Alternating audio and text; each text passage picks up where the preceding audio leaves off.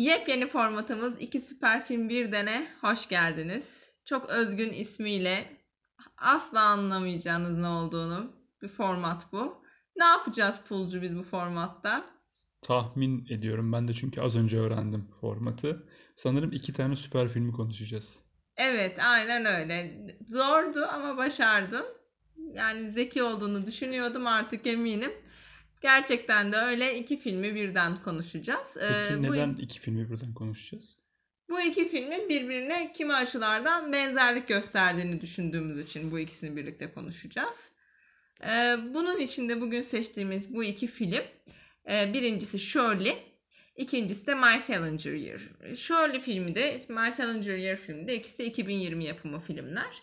Ee, filmleri nerelerde izleyebiliriz? Çok şükür ki My Salinger Year'ı e, sinemalarda, vizyonda şu anda izleyebiliyoruz. Sinemalara gidebilirsiniz. Her yer çok sıcak, sinemalar serin ve genellikle de boş. Dışarıda dolaşmaktan, bir kafede oturmaktan çok daha güvenli bir şey şu anda sinemalarda olmak. O yüzden öneririz. Ama Shirley'i maalesef şu anda sinemalarda izleyemiyoruz ki biz de onu İstanbul Film Festivali'nin e, getirdiği İlham Perileri seçkisinde online olarak izleme fırsatını bulmuştuk. Bu iki filmi aslında bir arada e, incelememizin çok fazla sebebi var. Bunlardan birincisi ikisinin de zaten e, benzer bir konuyu ele alması. Onun dışında ikisi 2020 yılında yapılmış. İkisi 2014 yılında çıkmış olan birer kitaba e, bağlı kalarak yapılmış filmler. Bir de ikisinin süresi birbirine aşırı derecede yakın. Birisi yani şöyle 1 saat 47 dakika. Salinger Year 1 saat 41 dakika. Peki ben şimdi sana soruyorum. Hangisi sence daha uzundu? Aralarında sadece 6 dakikalık yani böyle anlaşılmayacak, izlerken anlaşılmayacak kadar kısa bir fark var. Peki sana izlerken tabii ki izlediğin yerlerin de farklı olması birisi sinema birisi evde izlemiş olmak da etkiler ama daha uzun daha kısa diye bakacak olursak nasıl hissettirdi sana? Yani çok net sinemada izlediğimiz için My Salinger Year çok daha kısa geldi. Çünkü sinemanın atmosferi, sesi, karanlığı, konsantrasyonu çok farklı. Shirley ise haliyle evde izlediğimiz için çok daha uzun hissettirdi. Halbuki gerçekte gerçekçi düşünce tabii ki hiçbir fark yoktu arada. Aşağı yukarı aynı süre geçti. Ama Shirley'nin belki izlediğimiz yerleri biraz böyle dışarı alırsak, Hı hı. konunun dışına doğru çekersek Shirley'nin anlatım tarzının biraz daha yavaş olduğunu söyleyebilirim. Tarz olarak süresi Hmm. uzun olmasa da anlatımı, girişi, karakterleri gösterişi biraz daha yavaştı. Yavaş yavaş tanıdık. Bir yandan da My Salinger Year direkt Salinger'ı duyduğumuz anda az çok kafamızda bir şey oluşturuyor. Konunun hiçbir alakası olmasa da bununla ilgili. Kafamda biraz daha karakterlerle alakalı şeyler oluşturuyordu. Bambaşka bir film çıktı. Hı hı. O açıdan belki de hani beklentimin çok dışında bir film çıktığı için de daha heyecanlı izlemiş olabilirim. Olabilir çünkü ben tam tersini düşündüm.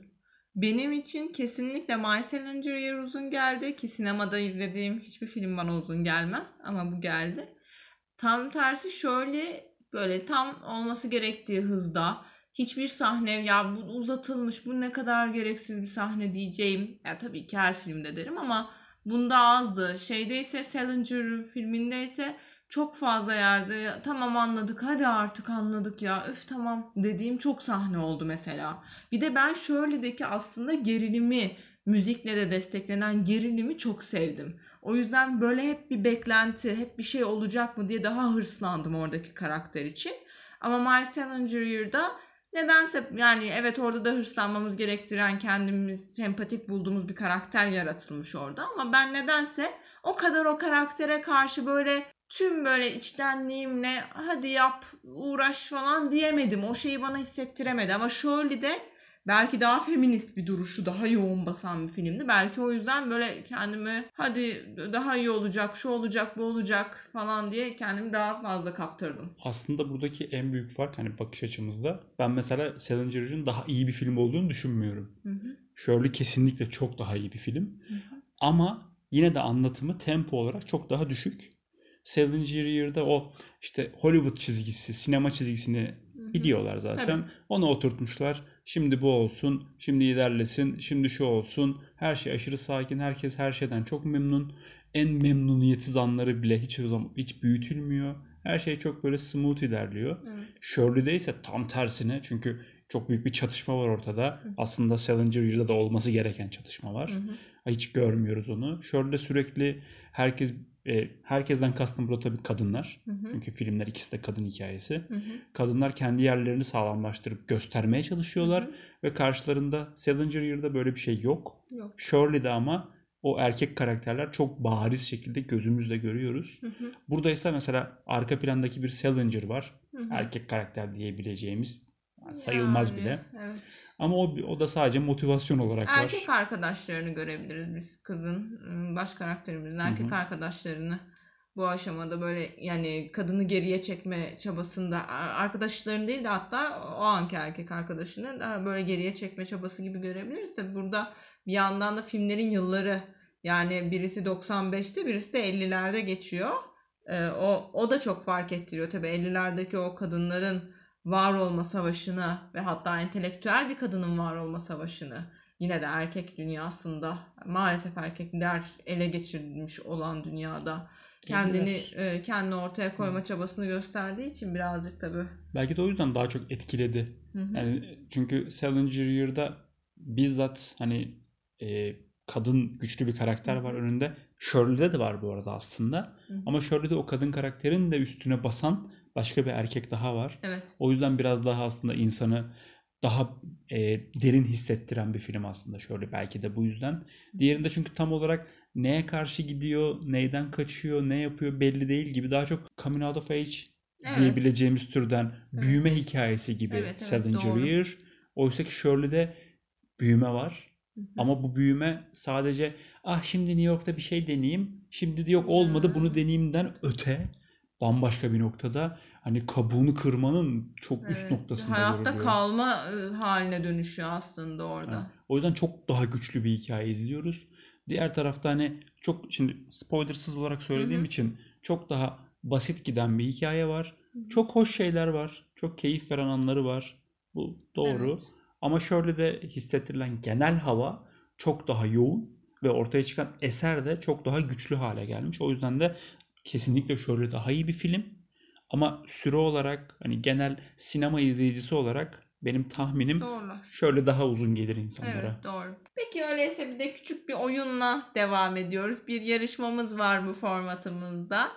Ben e, sunacağım için yarışmayı sen yarışacaksın tek Tabii. kişi olarak. Soruyorum sana IMDB puanı olarak sence bu iki film kaç almıştır? Veya hangisi daha yani hangisi yüksektir diye de sadece söyleyebilirsin. Ya da Hangi- genel olarak puan da verebilirsin. Salinger'ın filminin daha yüksek puanlı olduğunu tahmin etmek bana çok kolay geldi cevap olarak. Ha, kaçlarda olacağını düşünüyorsun Ee, peki? Onu da tahmin olarak söylüyorum. Baktım mı emin değilim. Hı hı. Ama Salinger Year muhtemelen 6-8-7 çizgisinde olur. Shirley de 6.3 gibidir. Hemen söylüyorum. Shirley 6.2, Salinger 6.3. Çok minik bir fark var ya. Ben de şaşırdım açıkçası ama yani IMDB puanlayıcılarında Salinger tarzı filmi sevmelerini beklemek birazcık yine Sinemalar fazla. kapalı. Ha, gerçi Bir evet. açılsın sinemalar. Değil mi? Tam bir görelim. Letterboxd puanlaması nasıldır? Hmm, Letterboxd'da Shirley'nin daha yüksek olduğunu tahmin edebilirim. Hmm. Öyle bir 5 üzerinden. 5 üzerinden de o da işte 3.6 gibi hissettiriyor bana. Hı hı. Letterboxd için. Salinger Year çok daha 3'e yakındır diye hissettiriyor yine. Ters Hmm, yani. Anladım. Hemen söylüyorum. Shirley Letterboxd'da 3.4, Salinger Year ise 3.2. Şimdi Tomato Meter'ı sormayacağım. Direkt söylüyorum bunu. Tomato Meter'da da Shirley %87 almış. Ee, Salinger Year ise %72 almış. Burada birazcık daha fark açılmış gibi duruyor. Ama genel olarak puanlamalar birbirine çok yakın olmuş. Beklediğim gibi IMDB'de düşündüğümüz gibi Salinger daha yüksekken e, Letterboxd'da da şöyle çok kü- küçük bir farkla onu geçmiş. Şimdi bir de bu film e, Türkiye'de filmlerin isimleri Shirley zaten Shirley kişi ismi olarak var. Salinger ise benim Salinger, benim demiyor hatta Salinger yılım ismi olarak geçiyor. Burada ben ilginç bir bilgi buldum. Bu arada e, Salinger Year, My Salinger Year filmiyle ilgili ilginç bir şey var. 2020 Berlinale'ın film açılış, açılış filmi. Hiç bana uygun gelmedi ya. Berlinale sen ne yapıyorsun dedim. Yani yakıştıramadım ben açıkçası bu filmi. Bu film bana çok basit geldi böyle hani e, gerçekten bu filmi böyle hafta sonu güzel bir şeyler yemeğe çıkmışsınızdır, dışarı çıkmışsınızdır. Bir de güzel bir film izleyip güzel bağlayalım akşamı derseniz bu filmi öneririm.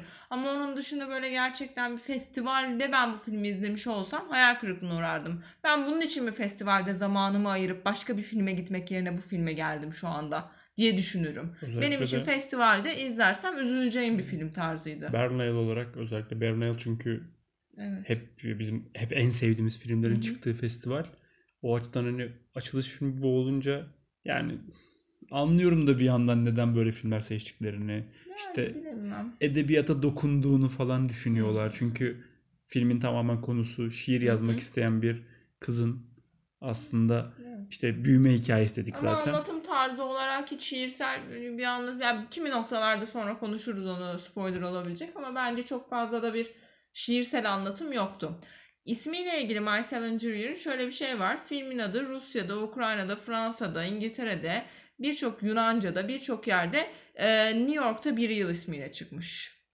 Ki evet New York'ta bir yılı aslında. New York'ta bir yıl dediğinde filmi biraz daha hafifletmiş olmuyor mu? Aynen öyle. Değil mi? New York'ta bir yıl. İlgi çekiciliğini de düşürüp Ya bir yılım da olabilir bilmiyorum. hikayesini aslında şöyle bir şey hissettirdi bana. New York'ta bir yıl diye böyle bir film ismi görüp sinemada gitseydim ve içinde Salinger'lı bir hikaye çıksaydı ben çok sevinirdim. Değil mi? Daha mutlu eder. Çok mutlu ederdi beni. Aa ne kadar güzel içeride göndermeler varmış derdim. Aynen. Halbuki onun yerine tamamen Salinger hikayesidir bu gibi bir iddiayla sanki hani Rebel in the Rye gibi Hmm. bir havayla çıkmış olması ardından sadece arada küçük küçük dokunuşlar olması bana birazcık yani filmi fazla yükseltmişler isimle.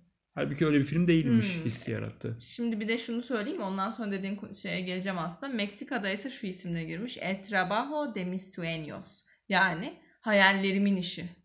Buna ne diyorsun? Bu Yine neden? Aslında bunu afişiyle birlikte birleştirince çok Hı hı. mantıklı hale geliyor bu tarz isimler. New York'ta bir yılda öyle yine işte e, İspanyolcası da o şekilde. hayallerimin işi. He, ikisi de aslında temelde benzer bir şey. Filmin çünkü başında da işte kız böyle bir hayalinden bahsediyor. Böyle bir gelecek istediğini söylüyor ve dönemi için zor olduğunu söylüyor.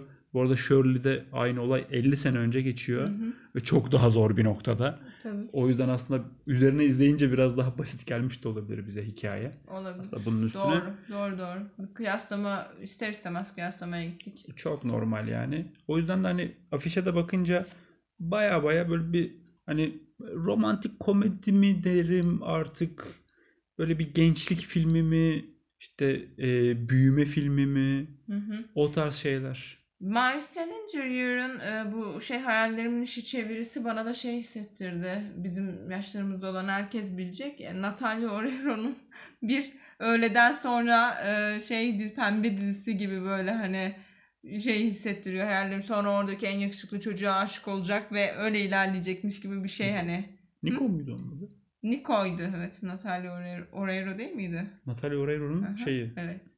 Aşık Oradaki olduğu aşık çocuk olduğu işte. çocuk evet. Yani sanki hayallerimin iş çevirisi öyle bir şey hissettiriyor ama tabii Meksikalı olmadığım için, ana dilim İspanyolca olmadığı için belki içten içe başka bir şey de vardır. Ama dediğin gibi afişler yani açıkçası onu da geçelim. 3 tane afişi var My Salinger Year'ın çok net bilinen. Türkiye'de giren afiş en güzel afiş bu arada sinemalarda göreceğiniz. Ee, bence bu 3 afiş, afiş arasından en güzeliyle girmiş. Sarı arka fonda şu son yıllarda da çok kullanılan birazcık da Van Gogh sarısını andıran bir sarının e, sarı rengin hakim olduğu ve e, bizim genç kızımızın buradaki karakterimizin ön planda olduğu sadece tek başına olduğu tek afiş bu. Diğer afişlerde iki kişiler zaten iki başrol olarak geçiyorlar.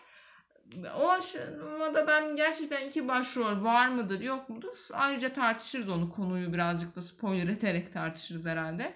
Bu afişte sarı tonunun kullanımı bana haliyle Salinger'da geçtiği için Hı hı. bir sanki çavdar tarlası Hmm, evet. göndermesi gibi hissettirdi. O açıdan da aslında güzel geldi. Ya bir nevi hani biz bunu Türkçe'ye çevirmeye çalışsak haliyle sadece bizim ülkeye yönelik olarak gönül çelen yılım falan gibi de çevrilebilirdi sonuçta.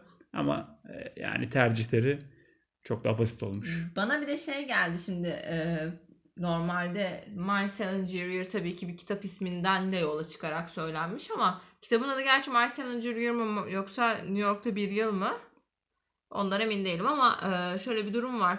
Sanki şey hissiyatı vermedim biraz daha satsın diye Salinger'ın adı geçiyor burada. Yani sanki şey gibi bu J.K. Rowling kitaplarını yazdığı zaman adını J.K. diye kısaltmasının sebebi bir erkek sanılması, sanılmasını beklemesi. Çünkü ilk başta bir yazar hala maalesef böyle bir algı var.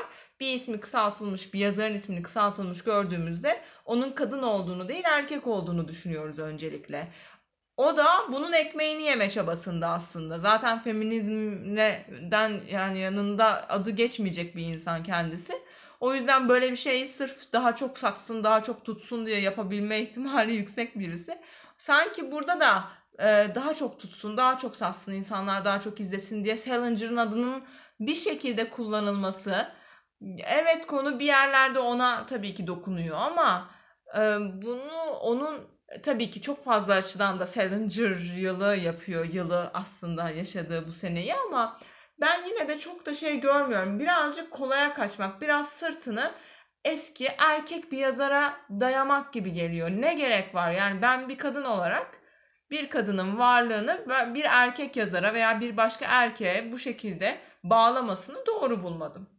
Ayrıca o aşamada rahatsız edici. Filmin tam olarak aslında anlattığı şeyin de tersi bir hareket. Evet. Ve film boyunca hani hikaye hep bu kadının güçlenmesiyken bu yıl hani çok iyimser bakmak istersek güçlenme yılı olarak Evet, gösterdiği evet. bir yılı Salinger yılım demesi biraz gereksiz olmuş. Ha bir yandan da işte dediğin gibi sonuçta garanti bir isme oynamış. Evet. Salinger sonuçta kimsenin kötü diyemeyeceği bir yazar. E adında Salinger geçince hiç böyle sinemaya ilgisi olmayan biri hani edebiyat seven insanların da ilgisini çeker. Hı hı. E zaten güçlenme hikayesi diye Hı hı. yine bir kitlenin ilgisini çekebilir. Biraz böyle hani oradan da onu alalım, buradan da bunu alalım. Evet şey gibi bir de şimdi Salinger'ın aslında en büyük olayı e, Holden Caulfield karakterini yaratması. Burada da Salinger yılım derken aslında biraz daha bizim burada karakterin de e, kendi asiliğini yani bir şeylere karşı gelmesi ve kendini dik bir şekilde tutabilmesiyle ilgili ya. Belki orada hani Salinger yılım derken asi olabilme, aslında Holden Caulfield gibi olabilme yılım gibi bir göndermesi belki varsa da bu kadar düşündükten sonra bulunan göndermeyi ben ne yapayım yani? Çok iyimser yaklaşım oluyor bunlar. Çünkü hani içinde doğru düzgün hani Salinger'la ilgili anca işte çok zorlarsan ulaşabileceğin göndermeler var. Onun dışında tamamen isminde Salinger geçsin. Ondan sonra da bakarız artık gerisine denmiş gibi. Ha, gerçek hikaye olduğu için sonuçta kadının hayat hikayesinin bir yılı. Evet. O yüzden belki onun içinde e, çok Salinger yıldır. Ben de oturup evde e, NBA playofflarını izlediğim bir senemi mesela T-Mac senem olarak adlandırabilirim ama bu konudan T-Mac'in pek haberi yok. Olmaz. Filmi çekersen belki. Arasaydı ve bana birkaç kere üçlük atmayı dene falan deseydi belki. Değil mi? O zaman belki bir şans verebilirdin. Bir de e, filmimizin oyuncularından bahsedelim biraz. Shirley'de Elizabeth Moss oynuyor. Zaten yani Elizabeth ablamızı bilmeyenler Handmaid's Tale'dan bilirler ya da Square'dan bilebilirsiniz. En meşhur olabileceği yerler ama Handmaid's Tale sanırım en meşhur olduğu yer. Bir de Odessa Young var. Odessa Young da ünlü galiba. Ben çok tanımıyorum kendisini. Kendi ama IMDB'deki resmini gördüm ben. Burada böyle saçları dönen filmi olduğu için şöyle e, orada saçları falan yapılı ve saçları yapılırken o kadın çok çirkindi. Hiç yakışmamış. İlk 50'lerde yaşamamış kadın. Sonra IMDB fotoğrafını gördüm de bayağı kızıl saçlı beğendim yani. E, sonra şeye bakarsak My Salinger Year'a bakarsak orada ben hiç tanımıyordum bizim bu kızımızı. Mar, e, onun da adı şey Margaret Qualley'miş. E, bizim ablanın adı da Sigourney Weaver'mış. İkisini de ben duymamıştım. Bu arada bizim Margaret aslında yine ünlü. Çoğu kişinin bileceği birisi. Once Upon a Time in Hollywood'da ayaklarını gördüğünüz kız. Yani aslında başrol oyuncularından bir tanesi. O yüzden çok iyi tanınıyor. Ama bence hala buradaki bu dört isimdeki en ünlü kişi Elizabeth Moss olmuş oluyor. Çok net yani. Ee, o açıdan da bakacak olursak filmi hani afişinde de Shirley'nin afişinde konuşalım bir yandan. Shirley'nin çok net bir afişi var. Yani genel olarak her yerde tek bir afişi var. Movie poster'ı var. Orada da şöyle e, bir masanın başında, bir yazı masasının başında ağaçlık, yeşillik bir alanın içerisinde ekrana yani bize doğru bakarak kameraya bakarak oturuyor. Yazı yazmaya hazır. Kendisini hazır haldeymiş ve buna adamış gibi bir his oluşturdu bende Shirley'nin afişi. Elizabeth Moss'u da görünce ben mesela diyelim ki bu iki film yan yana dursa My Salinger Year, Shirley, afişte de Elizabeth Moss var. Ben herhalde Shirley'i direkt seçerdim Çok bu net. aşamada. Ben Sen? çok net Shirley'i seçerdim. Biraz da afişlerde mesela diğer e, filmin afişlerindeki o ikili afişlerden birini görsem Hı hı. yine Shirley'i seçerdim. Evet. Çok net Yani, yani, bence. afişten kesinlikle Shirley kazanırdı. Çok net. Ama filmin hikayesine de biraz bakarsak şimdi yavaş yavaş. Hı hı. Artık yani Ya spoilerlar. o normal yani zaten. Ee, Shirley'nin hikayesinde afişle hikaye arasında biraz uçurum var aslında. Çünkü buradaki bu güvenli tavır filmin yaklaşık ilk 5 dakikasında var sadece. Aynen. Bir de son 5 dakikasında var sanırım.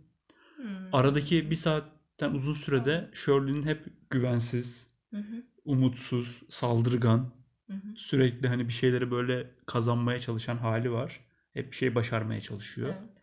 Afişte ise sanki çok normal. Ben birazdan oturup bir kitap yazacağım. Bir 5 dakika beklerseniz gibi de bir ifadesi var. Aslında bu afişi film esnasında görüyoruz bu sahneyi.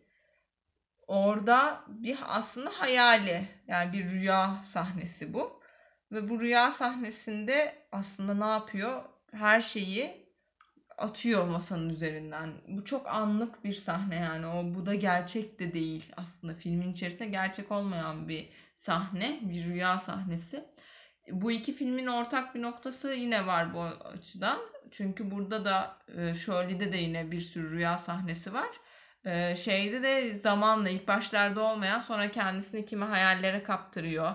Kimi böyle hayal rüya sahneler girmiş oluyor My Salinger Year'da da. Aynen öyle. Evet benzerlikleri yine aslında bir tane daha oldu. Zaten filmin baş, iki filminde başı için bakarsak aslında ikisinde de bir amaç için bir yerlere gitmek üzere yola çıkan Hı hı. My Salinger Year'da yola çıkıyor. New York'a uğruyor kısa bir süreliğine ve oradan Berkeley'e geçecek. Evet ama İşler değişiyor. Buradaysa e, adını unuttum ama bir üniversiteye kocasıyla birlikte geliyorlar. Ee, şey Bennington. Bellington Üniversitesi sanırım. Oraya geliyorlar ve burada da okumak için, akademisyen bu olmak şekilde. için, edebiyatçı olmak için geldiği bu yolda yine bambaşka bir yola girip Hı hı. ikisinde de yine güçlü bir kadın karakterin e, yanında ve sayesinde biraz Evet, Güçlenme evet, hikayesi sayesinde. gibi. Hafif bir aslında kendi koruması altına almış oluyor. İlk başlarda Shirley de öyle görünmüyor. Çok daha yandan bakarsak böyle optimist pesimist hikaye diye çok pesimist kalıyor Shirley zaten. O yüzden e, böyle aslında koruyor da bir yandan. İkisi birbirini aslında korumaya başlıyor oradaki hikayede. Diğerinde ise e, bizim gördüğümüz tarafıyla e, şeyi Joanna'yı korumuş oluyorlar. Margaret karakteri Joanna'yı korumuş oluyor ki zaten Joanna dediğimiz bizim kitabımızın yazarı Joanna Rakoff hem kitap kendi yazdığı kitaptan yola çıkarak uyarlanmış bir e, şey film bu. Diğerinde ise Shirley'i, Shirley'nin yani Shirley Jackson ismindeki yazarın hikayesini yazan kişi Susan Scarf Merrill ve bu e, yazarın hikayesi e, filme dönüştürülüyor. Yazarın kitabı. Shirley Jackson'ın kendi yazdığı kitap değil. Shirley Jackson'ın hayatını anlatan daha doğrusu bir e, Hang Zemen ismindeki kitabı yazma sürecini anlatan bir kitaba bağlı olarak yapılıyor. Yani biz Shirley Jackson'ın bu film hakkındaki düşüncelerini çok bilmiyoruz. Çünkü bakılacak olursa ben şöyle olsaydım ve beni bu kadar böyle depresyonda, beni bu kadar böyle e, kitap yazarken kendini kaybetmiş bir insan olarak gösterilselerdi bundan çok memnun kalmayabilirdim. Diğer tarafta Joanna Rakoff kendi kitabından uyarlanan filmi hala yaşıyor ve görüyor. Şey öldüm şöyle yaşıyor mu hala bilmiyorum. Ve, ve sanki birazcık şey var gibi yani ya e, beni böyle güzel kıyafetlerle çizseniz böyle daha güzel beni böyle ayaklar üzerinde durmayı başarmış böyle birine benzetseniz ya ben öyle öyledir büyük ihtimal zaten de hani bunu vurgulasanız filmde daha iyi olur. Sakın beni böyle zor zamanlarımı yazmayın. Çok zam- zor zamanlar geçirdim ama belki kitapta var yok bilmiyorum ama bunları geçelim de filmi daha böyle güzel, sevimli hale getirelim gibi bir şey mi olmuş diye düşündüm. Mesela My Salinger Year'a baktığında sonuçta bir zorluklardan büyüyen bir karakter Hı hı. doğal olarak. Zaten öyle olur hikaye. En büyük zorluğu neydi mesela yaşadığı? Şey e, tuttukları evde lavabo yoktu. Değil mi? Şeyde e, banyoda tava yıkarken Bir onları görünce gerçekten gözümden bir ben. damla yaş. Evet indi ya. yıkıldım ben Dedim de. bu kadar zorluk olamaz ya. New York'ta yaşıyorlar. Evet ve çok Hayallerini da yaşıyorlar. rahat bir yerde ve çok gerçekten çok hayallerini yaşıyorlar. Yani 95 yılında New York'tasın. Büyük ihtimal 3-5 tane red aldın iş başvurularındaki iş başvurularıyla başlayan Görmedik. bir e, şeydi. O ilk başta konuşmaları öyleydi ya. O sahne geçişleri, kıyafet değişiyor. Hep iş başvurusu aslında. Ee, orada görüyoruz re- anlaşılan reddediliyor birkaç yerden. Sonrasında da çok yani aslında Salinger'ı ellerinde tutan bir şey şirketinde e, işe başlıyor. Ve aslında ne daktilo biliyor ne bir şey biliyor. Yani tamam şans yaver gidiyor ve işe tutunuyor. Ama böyle baktığımızda bu gerçekten çok büyük bir başarı hikayesine dönüşüyor. Ama başarının da tırnaklarıyla kazanıp da elde edilmiş. Diğer tarafta kendinden doğuruyor kitabı. Şöyle bir kitap doğururken çektiği şeyler ki korku ve gerilim yazarı aslında kendisi de orada bir şey yazma ve konusu zaten çok pesimist çünkü o Bennington College'ın oralarda kaybolan bir kız üzerinden yazıyor bunu. E, o da 1951 yılında Paula John Walden diye e, bir kızmış. E, o da yine orada okuyormuş. Okuduğu okulun yakınlarında bir yerde kayboluyor. Sadece bu bile hikayeyi çok daha yoğun ve üzerine çok daha düşünülür hale getiriyor. Neler neler yaşanıyor. Demiyorum ki burada da yaşansın demiyorum tabii ki. Ama yani eski sevgilimden de doğru dürüst ayrılamadım. Bana mektup mu yazmış? Ay aman falan hani havalarında. Ay okuyamam açamam ben onu kıyamam şimdi ben o mektuba havalarında ilerliyor.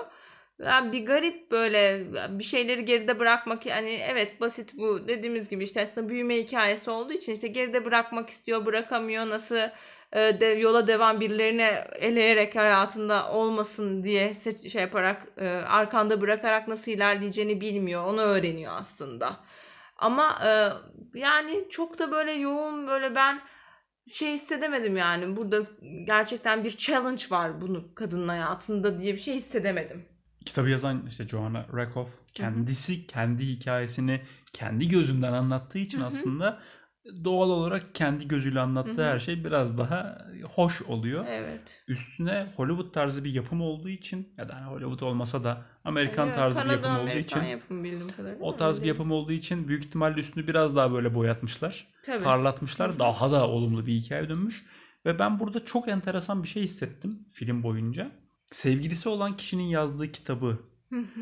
aşağılama şeyi çok haklı bir şekilde Hı. aşağıladığı tavrı ben bu kitaba karşı gösteresim geldi. Ya oradaki adam çok basit bir adam olduğu için Evet. kendisi işte cinsel arzuları üzerinden Hı hı. kendi kendine hikayeler yazıyordu. Bu da daha edebiyatçı olduğu için Hı. daha edebi duygular üzerinden bir hikaye kendini tatmin etmiş gibi geldi.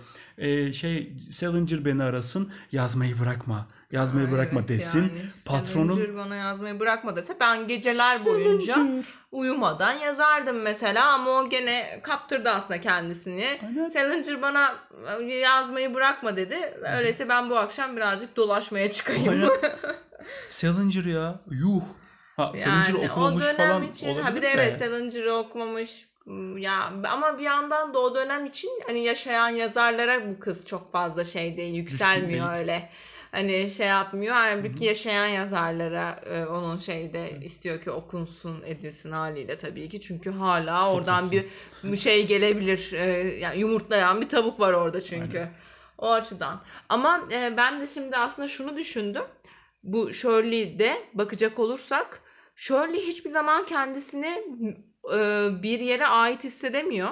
Özellikle de belirli konumlandırmalara ait hissedemiyor kendisini. Topluluk içindeki konumlandırmalara, toplumun ona e, vermiş olduğu görevlere kendisini hiç uygun hissetmiyor. Yani yapılması gerekeni yapma e, durumundan aşırı derecede irite oluyor şöyle. Öteki taraftan da bizim Joanna'ya baktığımızda Joanna tam tersi bir yere ait olmak için oranın kafasında oluşturduğu o notion'a, o e, duyguya, o olguya uymak için her şeyi yapıyor. Yani New York'a geliyor. New York'a geldiğinde eski sevgilisine e, bye bye bile demeden onu bir kenara atıyor. Hemen e, böyle işte daha e, şiir e, okumalarının yapıldığı barlarda, sanatçıların takıldığı barlarda takılmaya başlıyor. Sonra kendisine ben de yazarım diyen bir sevgili yapıyor. Sonra birlikte New York'taki çocuk ondan önce kendisine ait bir evi olmadığını söylemişti. Onunla bir eve çıkıyorlar ama biraz bohem yaşam var işte. Bohem yaşıyorlar o evde. Evde işte şeyin olmaması bile onu gösteriyor bence. Ona vurgu yapıyor. Ee, lavabonun olmaması bile mutfak lavabosunun. İşte bohem yaşıyor. Ama sonra bakıyor ki bu bohem yaşam artık onu birazcık rahatsız etmeye başlıyor. Çünkü onun çalıştığı o editör e, ajansında, kitap ajansında e, insanlar daha lüks yerlerde takılıyorlar. Bunu gördüğü anda tık diye bir şey oluyor. Ve aslında geride bıraktığı sevgilisinin daha elit göründüğünü fark ediyor. Yani bu bohem hayat artık bu uygun kafasında kurmuş olduğu e, kabuğu kırmadan çıkarken geride bıraktığı sevgilisinin e, şey çalıyordu klarnet çalan böyle gayet güzel müzik yapan falan bir abi yani. E, ona bir gırnatacı diye bakıyordu eskiden. Sonra diyor ki wow klarnet çalıyor diye bakıyor. Ve sonra bu sefer işte e, 12 dolarlık cheesecake yediği anda çünkü benzer şeyler. Ben artık böyle bir dünyaya artık büyüdüm ben. 12 dolarlık cheesecake yiyeceğim çünkü e, kaliteli yazarlar çünkü sevdiği bir yazarın da orada takıldığını görüyor. Kaliteli yazarlar burada cheesecake yer. Kaliteli yazarlar kitap yazmıyor galiba. Çünkü ondan önce de şair olduğunu düşündüğü için şairlerin takıldığı kafelere, barlara gidiyordu. Şiir yazmak yerine. Hani kaliteli yazarların takıldığı yere gidip cheesecake yiyerek kaliteli yazar olabileceğini sanıyor. Aslında böyle bir kendini bir şey sanma ve kendini konumlandırdığı noktada aslında belirli bir sınırların çizdiği bir dünyaya kendini soktuğunda o şey olduğunu sanmaya başlıyor. Şöyle de sen şusun denilen her şeyden dışarı çıkmaya çalışıyor. Bu açıdan da bakabiliriz filme. Belki beni o yüzden bu e, Salinger filmi daha uzun hissettirdi. Çünkü e, klastrofobik bir evren çizmeye başladı bir yerden sonra. Diğerinde ise hep bir kaçma, hiçbir çıkmaya çalışma arzusu vardı. Bende de belki şöyleki yani uzun hissettirme hissi şundan olabilir. Mesela e, bir anda kızımızın üstüne binen roller hı hı. o gitmeye çalıştığı her şeyin tersi rollerdi. Hı hı. Belki zamanında Shirley'nin de içinden çıktığı hı hı. o rollere o sokulmaya çalışıldı. Evet. Hatta nasıl bir dünyaysa işte edebiyatçı olan büyük abimiz Shirley'nin eşi olan beyefendi. Ee, evet. Ee, Şehriman'dı sanki adı. Aynen. Ee, yemek yaparken buna böyle arkadan sarılmaya falan başladı. Hı hı. Yanaklardan Stanley. öpüşmelere falan başladı. Evet. Böyle bir beni hani gerçekten izlerken böyle acaba bir noktada çakacak mı ağzına? Diye, evet yani bekledik hep. Bir şeyler ama... olacak herhalde diye bekledim hep. Ama orada işte mücadele ettiği şeyin ne kadar büyük olduğunu büyük ihtimalle filmin başında daha anlamamıştı. Evet. O yüzden hani ya dur iki gün yemek yapalım. Hı hı. Aslında buradan diğer filme benzeteceğim. Yanlarında kaldığı aileye hı hı. nasıl minnettar olduğunu aslında biraz gösterdi evet. orada. Sabah akşam yemek yapıp hı hı. etrafı temizleyip neler yaptı. Diğer tarafta Salinger Year'da ise yanında kaldığı arkadaşına ne bir minnettarlığı vardı ne ben buradan sonra bir şey yapayım mı diye ağzından bir laf çıktı. Evet. Ne kiraya ortak olduğuna dair bir şey söyledi. Sonra ne... da sen hayallerinden vazgeçtin diye. Hı. Sonra da o arkadaşını yani sayesinde New York'ta kaldığı arkadaşını küçümsemeye başladı. O açıdan da hikayeler aslında tam böyle zıt kutuplara doğru gidiyor. Belki de o yüzden Shirley'i daha çok beğendik. Çünkü Olabilir. bir yandan o içindeki o minnettarlığı bize gösteriyor. Rahatsız olduğunu da görüyoruz. Hı hı. Ama minnettar. Hı hı. Çünkü bir yandan da hem o hem kocası için orası çok önemli. Evet. O üniversitede büyüyecekler çünkü. Ki Öyle kocası bayağı bir büyümüş biz görmediğimiz evet, sahnelerde. Kocasının ıı, büyüdüğü zamanlar olmuş. Hı hı. Sonra küçüldü. Evet. Maalesef. O açıdan evet ben özellikle bu kadın erkek arasındaki o şeyin dengesizliğin gösterilmiş olması zaten hoşuma gitmişti. Bir de bu Salinger Year ilgili en çok hoşuma giden nokta benim Salinger'ın hiç görünmemiş olması. Yani en güzel nokta buydu. Salinger'ı kim oynayacak, kim olsun gibi bir dertten de büyük yani tabii ki biri oynuyor ama e, görünmüyor. Bir önemi yok yani kimin oynadığının. en sevdiğim nokta o oldu. Bir de anlatım tarzındaki yani e, şeye yazılmış ki bizim kızımız işte burada şeyleri okuyor. E, Salinger'a gelen mektupları okuyor. E, son Catcher Rye kitabından dolayı Türkiye'de Gönül Çelen diye çevrilmiş olan kitap sonrasında Çavdar Tarlası'nda çocuklar olarak çevriliyor. E, bu kitabın sonrasında herkes kendini oradaki baş karakter Holden Caulfield olarak görüyorlar ve herkes Salinger'a ki bunun anlatıldığı başka bir film daha var. Herkes Salinger'a çok fazla mektup yazmaya başlıyor ve insanlar işlerinde duyduğu her öfkeyi, her şeyi kendilerinde Holden Caulfield'ın yerine koyarak hissetmeye başlıyorlar. Ve bu mektupları birisinin okuyup e, cevaplaması ve Salinger mektubunuza geri dönüş yapamıyor diye hazırlanmış bir yazıyı yazıp göndermesi gerekiyor. E, bu aşamada da işte yine Salinger'ın kendisini hiç görmüyoruz. Salinger bundan bu kadar mektup geldiğinden de haberi yok. Ama o mektupların okunduğu, o karakterleri gördüğümüz yerler vardı. Ki hani filmin en spoiler olabilecek noktası şudur ki e, orada sürekli görünen genç bir çocuk var.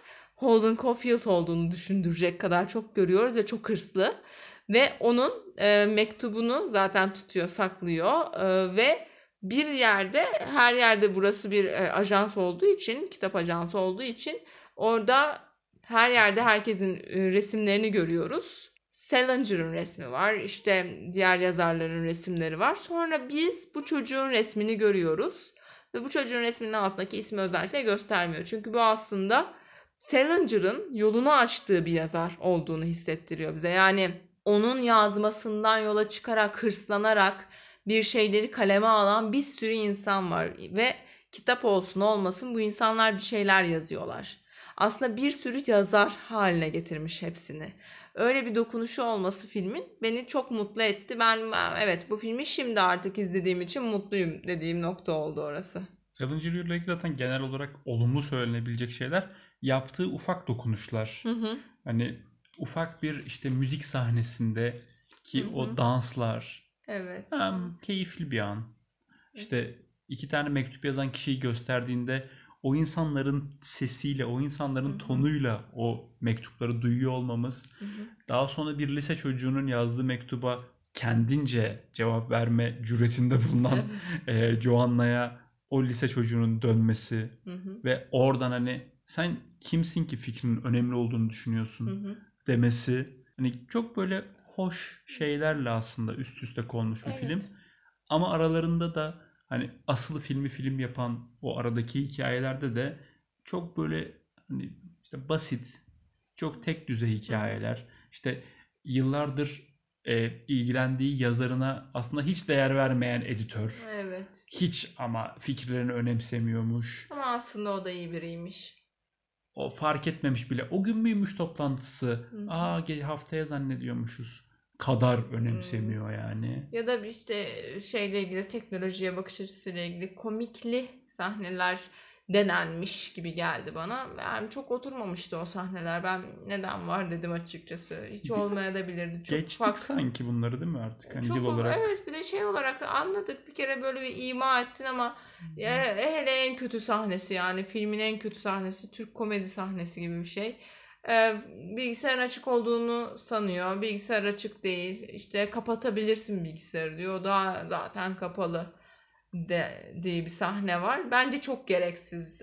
O sahneler işte atılmış olsaydı belki film biraz daha böyle hani öze indirilseydi daha güzel hissettirebilirdi. Veya işte bu e, eski sevgilisiyle ev tuttukları sahnede ben orada farklı bir noktaya evrilmesini bekledim filmin. Çocuk şey dedi e, şeyi kontratı Joanna'nın üzerine yapılmasını istedi. Ben orada böyle bir dedim ki kıllandım yani. Allah Allah dedim hayırdır yani bir şey mi? Böyle bir sanki bir şey böyle bir borç bir şey çakıp gidecekmiş gibi hissettim. Öyle bir şeye de bağlanmadı. Şaşırdım açıkçası hani. Sonra geri dönüp düşündüğümde Allah Allah neden orada öyle bir laf vardı ki sanki bizi böyle bir e, yerimizden böyle kıpırdatacak bir şey oldu orada. Ama sonra hiçbir şekilde hiçbir yere bağlanmadı. O çocuk da kendi halinde bir çocukmuş e, bir aşamaya kadar. Yo öyleydi aslında yani. Sadece e, şeyde kırılma anı vardı. Sevgilisi arkadaşlarının düğününe tek başına gitmek istedi. Hani olabilir. Burada orada söylediği şey çok garipti. Yani ben orada senin mutlu olup olmadığını düşünmek zorunda değilim. Bununla uğraşmak istemediğim için e, senin gelmeni istemiyorum dedi.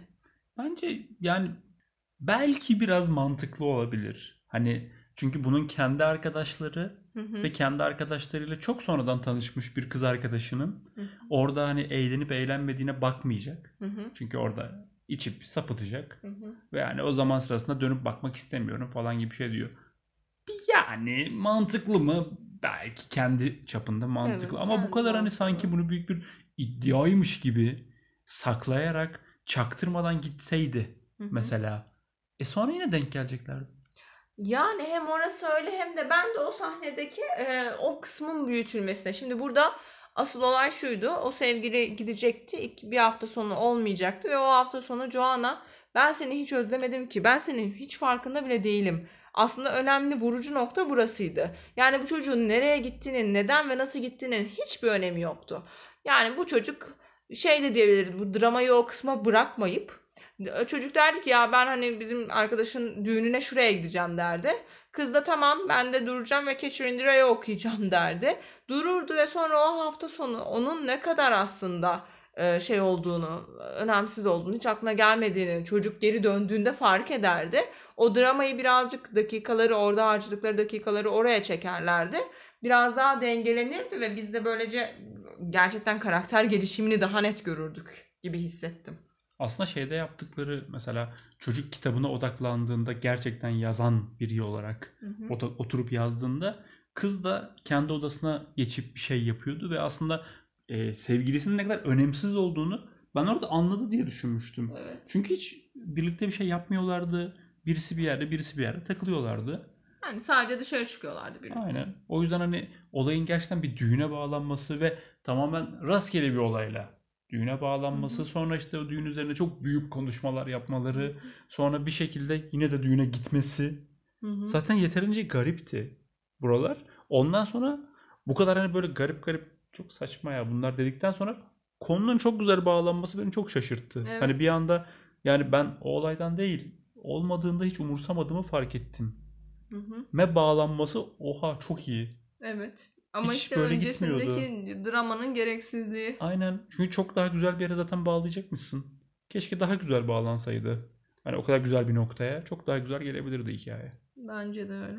Bir de e, sadece şeydeki kamera Salinger'daki kamera kullanımları çok güzeldi. Kamera yani bazen tabii baş döndürücü derecede fazla dönüyordu. Ama yine de güzel bir hava katmış. Müziklerle çok ciddi bir şey katabildiğini düşünmüyorum. Müzik filmin içerisindeki kullanımıyla. O konuda şöyle acayip derecede iyi gerilimi yükseltebilecek derecede güzel kullanmış ki Shirley'deki müzik kullanımını ben My, Shiv- e, My değildi tabii ki. Shiva Baby'ye benzettim. Oradaki gibi bir gerilim veriyordu müzik.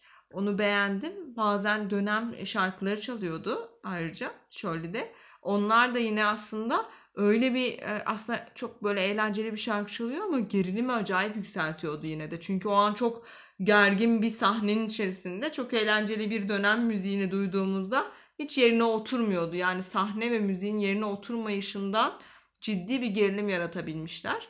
Onu ben beğendim.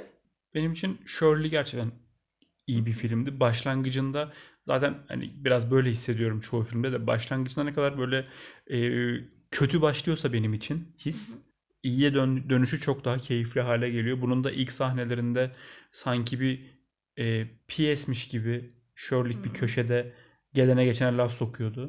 Hı hı. Öyle garip bir sahne gibi gelmişti. Evet. Sonradan çok mantıklı geldi Evet. zaten film ilerledikçe. Evinde kendini nasıl güçlü gördüğünü Hı hı. ama bir başkasının partisine gittiğinde nasıl kendinden geçip bambaşka birine dönüştüğünü aslında gösteriyormuş. Hı İlk sahne açısından böyle hissetmemiştim ama sondan geçiş çok güzel oldu. O açıdan Shirley yani her açıdan çok daha önde geldi bana. Bununla alakalı ama ikisiyle ortak olarak düşündüğümde oynanabilecek yüzlerce oyun geldi aklıma. Hı hı. Çünkü hepsinde tem- yani iki filmde de temel olarak sanki bir işte mentor üzerinden hayatı birazcık öğrenip Hı hı. daha sonra hayatını artık kendi yaşamaya karar veren iki tane kadın karakter vardı. Çünkü ikisinde de e, sevgililerinden birine kocasından Hı hı. ayrılan ve artık kendi yaşamını kendi sürdürebileceğine dair inancı tam olan iki karakter vardı. Bu da bana Klasik bir işte RPG oyununda bir mentorun yanına geliyorsun. Bir nevi tutorial bölümü. İşte biz o tutorial'ı izledik gibi hissettim herhangi bir oyundaki. Ve tutorial'dan sonra da artık kendi yoluna gidiyorsun. İstediğin her şeyi oynayabilirsin. Ben de açıkçası en sevdiğim. Shirley'i ben birçok açıdan sevdim. Öncelikle bir kadın karakterin kendini bulma çabasının aslında birazcık da delirmeyle bağlantılı olması ki öyle bir söz de var. Kayıp kızlar ne olur biliyor musun delirirler diyordu. Ee, sonuna doğru da işte onların Shirley'nin yanına gelen bizim kadın karakterimiz adını unuttum. Onun hareketlerinde bir delirme olduğunu fark ediyoruz. Aslında artık delirme dediğimiz şey aslında normlara uymamak. Özellikle 50'lerin normuna uymamak. Yani kocanın her gece bir başkasıyla yattığı gerçeğini kabullenip de çok mutlu bir şekilde evliliğini sürdürmemek aslında delirmek. Ee, bunlara uymam açısından ben e, kadın karakter bağlamında hem böyle e, özellikle cadılık yine feminizmle, kadın olmakla veya işte belki lezbiyenlikle de bağlantılanabilecek bir sürü şeyin bir arada sunulmasını çok beğendim. Ve yine kadın karakter ağırlıklı olarak önerebileceğim kendi en sevdiğim oyun olan The Longest Journey'i öneriyorum. Birinci oyun en güzelidir ama üç oyun da birbirinden güzeldir.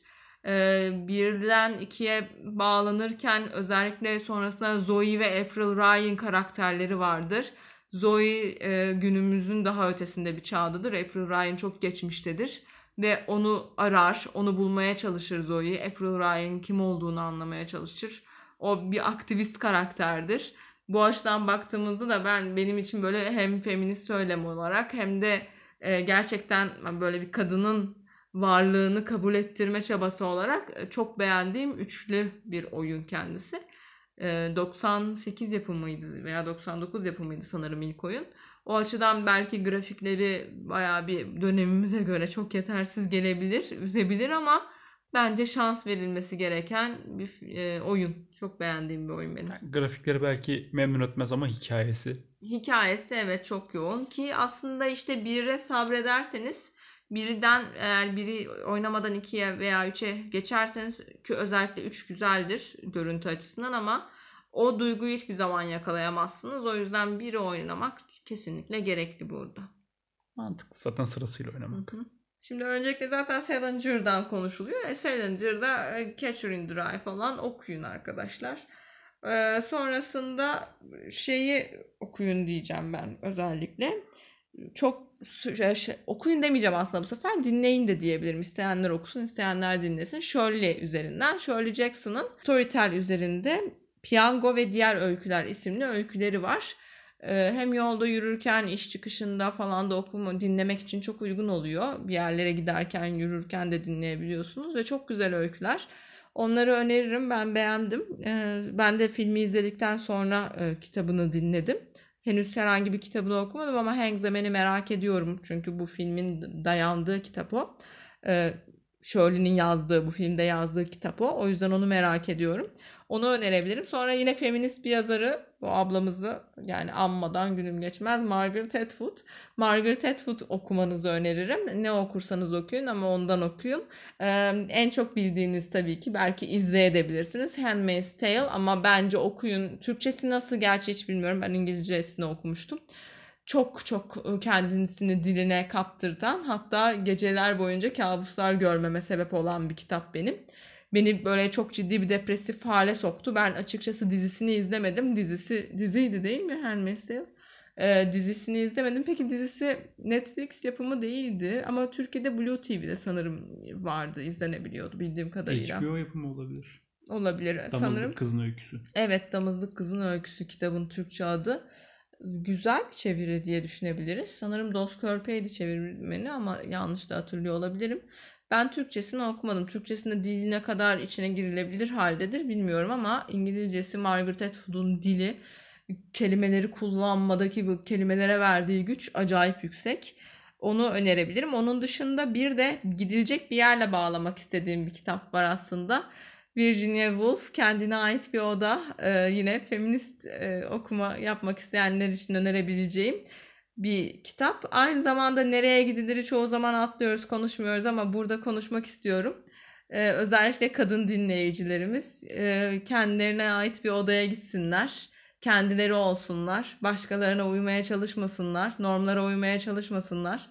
Canları ne istiyorsa onu yapsınlar. Nereye gitmek, ne yapmak, nerede kiminle olmak istiyorlarsa onu olsunlar. Bunu önerebilirim. Bir kitap daha önereceğim. Ee, bu da e, şey Mary Wollstonecraft 1792'de yazmış olduğu bir kitabı önereceğim. Kadın haklarının gerekçelendirilmesi. Bu ablayı teyze ya da nineyi her zamanki sırayla açıklayayım. Ee, ninemizi tanırsınız aslında Frankenstein'ın yazarı Mary Shelley'nin annesi Mary Wollstonecraft ve 1792 yılında kadın haklarının gerekçelendirilmesi isminde bir kitap yazıyor. Eğer kendinize ait bir odaya çekilirseniz, kendi dünyanıza çekilirseniz bunu bir okuyun, bir kendinize gelin. İnsanlar 1792'lerde neler düşünmüşler. Kırın yani kabuğunuzu, hala saçma sapan şeyleri takmayın kafanıza. Bunları önerebilirim kitap olarak. Ee, peki film olarak neler önerebiliriz? Ya en basitinden en azından beğenmesek de Rebel in the Rye Evet bir. Salinger hikayesi olarak. Yani gerçekten bu sefer Salinger'ın yaşadıklarına dair bir hikaye. Orada da Salinger'ın bir nevi bir mentoru var ama adını söyleyemiyoruz artık. Sinema dünyasında yok artık öyle birisi. Ama orada mentorunu oynuyordu. Hı hı. O yüzden Kevin Spacey. Kendisi orada birazcık Evet. mentor rolündeydi. O da bir aslında tam tersinde işte bir erkek hikayesi gibi. Evet. Ya aslında işte Salinger, My Salinger yürü güzel yapan şeylerden birisi de hani adına yaslanmışlar, Salinger adına yaslanmışlar dedik ama bir yandan da bir erkek yazarın hikayesini bu kadar kadın gözünden aslında erkek yazarın hikayesi de değil de bir erkek yazarın hayatının dokunduğu bir kadın yazarın anlatması çok güzel olmuş. Öteki My Salinger, şey, e, Rebel the Rye gerçekten çok erkek hikayesi. Yani böyle erkek erkek savaş da var işin içinde zaten. Kötü zaten. Film yani de kötü bu ben arada. filmi beğenmemiştim zaten. Sonunda böyle hebele hübeleye gelmişti. Ki Rex'in çok kötü karanlık salonunda izlediğim için mi bilmiyorum ama kötü gelmişti Belki yani. herkes iyi içtiği içindir etrafta. Ben vallahi yine kendimi filme kaptırmışım hiçbir şey görmedim. Ben filme baktım sürekli ama bilmiyorum çevrede böyle şeyler olmuşsa Ama da haberim yok. Kötü filmdi yani.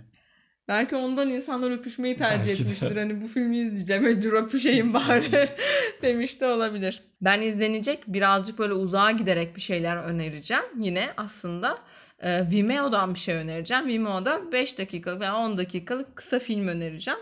Ayçe Kartal'ın yaptığı Kötü Kız ismindeki yani çok 10 dakikanızı da ayırın yani şu film için. Vimeo'da izleyebilirsiniz. YouTube'da var mı bilmiyorum.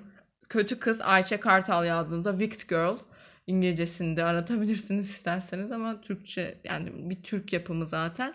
Türk Fransız olabilir emin değilim ama e, çok oldu izleyeli. Onu öneririm. Onun dışında e, tabii ki demin Handmaid's Tale dedik onu izleyebilirsiniz. Ama ben kitaplardan yanayım her zaman. Bir de 2016 yapımı çok uzaktan, çok çok uzaktan bir şey önereceğim. E, Personal Shopper. Orada da iki kadın üzerinden böyle bir bağ. Sanki bu da Shirley'deki iki kadının bağının aslında şey gibi hissettirdi çok az. Sonra Kristen Stewart oynuyor o filmde. Kristen Stewart aklıma gelince başka bir film aklıma geldi. O da Class of Sismaria. Onda Juliette Binoche'la e, Kristen Stewart oynuyor. Orada da bir oyuncunun hikayesiydi aslında. Oyuncu menajer hikayesi. Değil mi? Evet o birazcık daha uygundur belki buradaki benzer hikayelere baktığımızda. Orada da e, Juliette Binoche'un yardımcısını Yardımcısıydı galiba. Rolle çalışması için Evet. aslında Siz ezber almasını e, falan Ve kolaylaştırmıştı. sonra kayboluyordu birden ortadan. Evet farklı şey olmuştu sonra normal dünyaya dönüyorlardı falan Ee, bir sürü şey oluyordu. Normal dünya dedim ya dağ evinden çıkıp aşağı geliyorlardı. Normal şehir hayatına otele falan geliyorlardı. Öyle hatırladığım e, yine benzer bir hikaye gibi görebileceğimiz bir öneri olsun bu da. İki filmin hani birbirine benzer ya sonuçta bu filmler. Hı hı. E, My Salinger Year biraz daha işte 12 dolarlık bir cheesecake. Hı hı. İyi olup olmadığına dair bir fikrimiz yok aslında. Ama fiyatının yüksekliğinden dolayı, görselliğinden dolayı kötü olduğuna dair bir varsayımımız var. Shirley de aslında şey sahnesi biraz böyle hissettirdi bana. Toprağa dokundukları Hı. ve Mantar. e, genç kız da çağırdığı bu mantarı yerim Ha. ve ölürüm falan gibi Hı hı. çok aslında hoş bir e, sahneydi. Evet. Oradan Orada da yola çıkıp güven e, şeyi var. çünkü aynen aralarında. güven testi yapıyordu resmen Hı hı. orada. Orada da sanki hani görüntüsü kötü ama daha lezzetli bir şeymiş gibi. Sadece güvenmen gerekiyor yemek için Hı. gibi bir şey hissettirdi. Kötü görünümlü bir ev cheesecake'i ama anladım. lezzet olarak diğerini 3'e 4'e katlayabilecek bir şey gibi bir şey Olabilir. yapabiliriz. Evet doğru. Holden Caulfield çılgınlığını konuşabiliriz istersen. Yani ne düşünüyorsun? Sen herhangi bir şekilde böyle bir çılgınlık olabilir mi? Var mı? Yoksa bu dönemde hiç böyle bir şey var mı? Yani insanlar neye en son böyle çıldırdı? Bu şimdi Holden Caulfield olayı bayağı eski. Hı hı. Bizim zaten görmediğimiz bir dönem. Hı hı. Artı Amerika'da yaşandığı için zaten görmediğimiz ve Hı hı. duymadığımız hatta bir şey. Bir tek bu filmlerden falan biliyoruz hikayelerden. Ama şimdi ben bu televizyon izlerken küçükken falan bazen şey olurdu. Bir film yayınlanırdı, dizi yayınlanırdı, bir şey yayınlanırdı ve iki gün sonra yoğun istek üzerine tekrar yayınlanacak Hı hı. diye böyle bir haber çıkardı. Allah Allah falan diye. Ben hep şey düşünüyorum. Kim arar ki ya televizyon hat? televizyon arayacaksın da şey diyeceksin hani ya o geçen günkü filmi tekrar yayınlasanız da biz onu kaçırdık falan diyeceğiz gibi bir şey. Ben hiç yapılmayacağını düşünürdüm. Sonradan fark ettim ki yapılıyormuş böyle şeyler. Allah. İnsanlar hatta yine ben çok küçükken televizyonda yarışma programında bir şey olduğu için gidip e, ha- o kanalı taşlayanlar da görmüştüm. Hmm. Tabii. Normalde biz böyle şeylerden yani birey olarak Hı hı. etkilenmiyoruz ama Yani galiba bana ne? insanlar hani Veya sana ne? kapatıyorum yani kötü ihtimalle Evet. yani izlemiyorum. Ya da tam tersine başka bir yerden izlemeye çalışıyorum ama millet galiba Holden'daki gibi çok bağlanıyor bazı şeylere. Evet, bu benim de pek anlayabildiğim bir duygu değil. Ben de pek bir şeylere veya bir karaktere, bir filme, bir oyuna, bir diziye kendimi kaptırıp böyle ki Star Trek Star Trek bağlantım bile benim yani ben hiçbir şeye çok kendini kaptırabilen bir insan değilim. O açıdan bana da çok saçma geliyor. Ama zaten Star Trek kaptırmandan çok eğer sokağa çıkarken kendine kulak falan yapsan ya da kakülünü öyle kesmeye çalışsan o zaman aslında bir Holden beresi takmış gibi oluyorsun. Ha, doğru. Bere denmiyor gerçi onlara ama. Yani Neyse işte Bilmiyorum, o. Benim de almayı diyebiliriz. çok istediğim şey. evet, O şey. geleceğin Holden Caulfield'u Geleceğin olacaksın. bence olabilir. Son kez ben bir dinlenecek bir şey önereyim. Öyle bitirelim. İstersen sen de ekleyeceğin bir şey yoksa. Ee, benim önereceğim bir şarkı var. Bir şarkının iki farklı formatını bu iki farklı film için dinlemenizi önereceğim. Girls, Girls Just Wanna Have Fun'ı dinlemenizi öneriyorum. Eğer Shirley e, duygusunu almak için dinleyecekseniz Russian Red'den dinlemeniz lazım. E, onun daha böyle sakin söylemesiyle. Eğer e, My Salinger Year'ı hissetmek istiyorsanız da şarkının orijinal haliyle Cyndi Lauper'dan dinlemeniz gerekiyor. E, onun da çok heyecanlı, çok mutlu haliyle e, söyleyiş tarzıyla daha uyumlu olacak bu film. Bugün e, bu iki filmi inceledik, birlikte baktık. Bundan sonra bu formatta yine böyle ikişer filmleri incelemeye devam edeceğiz. Söyleyeceklerimiz bu kadar. Hoşçakalın. Görüşmek üzere. Güle güle.